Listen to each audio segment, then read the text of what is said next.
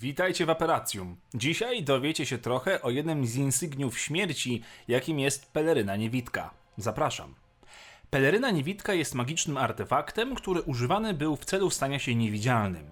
W opowieści o trzech braciach dowiedzieć się możemy, że była ona jednym z insygniów śmierci, prawdopodobnie stworzona przez samą śmierć i przekazana została Ignotusowi Pewerelowi.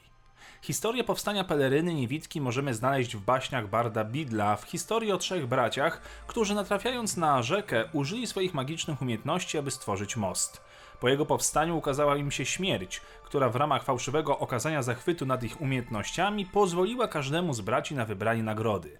Najstarszy z nich wybrał czarną różdżkę, młodszy kamień wskrzeszenia, a najmłodszy Ignotus pelerynę niewidkę, aby śmierć nie mogła za nim podążać. Peleryna została przekazana synowi Gnotusa. Ten jednak nie miał męskiego spadkobiercy, więc pelerynę otrzymała w końcu jego córka, Jolantę. Dziedzictwo zostało przekazane na Potterów, gdyż Jolantę poślubiła Hardwina Pottera. W XX wieku peleryna ostatecznie trafiła w ręce Henry'ego Pottera, członka Wizengamotu, który przekazał ją następnie swojemu najstarszemu synowi Flementowi, który był ojcem Jamesa Pottera. James używał peleryny w wielu przypadkach w szkole magii i czarodziejstwa Hogwarcie. W okolicach lat 80., gdy Voldemort zaczął poszukiwać rodziny Potterów, Albus zainteresował się peleryną niewidką i chciał ją pożyczyć od Jamesa, aby móc ją przestudiować, ponieważ interesował się on insygniami śmierci. Po śmierci Jamesa peleryna została u Dumbledora, ten zaś przekazał ją Haremu. Ron Weasley był pierwszym, który spekulował, że peleryna Harego jest jednym z insygniów śmierci, ponieważ miała co najmniej dwa pokolenia. Inne peleryny niewidki zużywały się po takim czasie, a przynajmniej stawały się mniej skuteczne. Ta jednak pozostawała jak nowa. Zwykła peleryna z czasem stałaby się widoczna i podarta. Peleryny niewidki istnieją od XIII wieku, jednakże szeroko dostępne stały się dopiero w XX wieku. Alastor Moody posiadał dwie peleryny niewidki, które pożyczał Mundungusowi Fletcherowi i Sturgisowi Podmore. Barty Crouch senior również posiadał płaszcz, ukrywając pod nim Bartego Croucha juniora, który pomagał mu uciec z Azkabanu. Barty Crouch junior skorzystał z tej peleryny, kiedy wrócił na usługi Lorda Voldemorta, ukrywając się, by przechwycić i zamordować swojego ojca.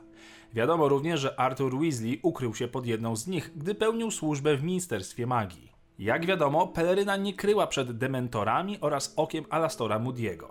Można by pomyśleć, że w jednej ze scen w chatce Hagrida Dumbledore również może widzieć, co skrywa się pod peleryną. Jednak Albus dowiedział się o obecności Harego używając niewerbalnie zaklęcia Homenum Revelio, które wykrywa obecność ludzi w najbliższym otoczeniu. W 2020 roku, zgodnie z tradycją, Harry podarował pelerynę niewidkę swojemu najstarszemu synowi Jamesowi, który miał rozpocząć swój szósty rok nauki w Hogwarcie. Gdy włosy Jamesa stały się różowe przez żartobliwy grzebień, który dał mu wuj Ron Weasley, James skarżył się, że będzie musiał używać peleryny, aby ukryć włosy. W tym samym roku pelerynę z kufra Jamesa skradł jego młodszy brat Albus, który użył jej do ukrycia się ze Skorpiusem Malfoyem przed profesor Minervą McGonagall w bibliotece. I to póki co wszystko, co przygotowaliśmy na temat peleryny niewidki. Dajcie znać w komentarzach, o czym chcecie kolejny odcinek i na brodę Merlina dajcie łapkę w górę.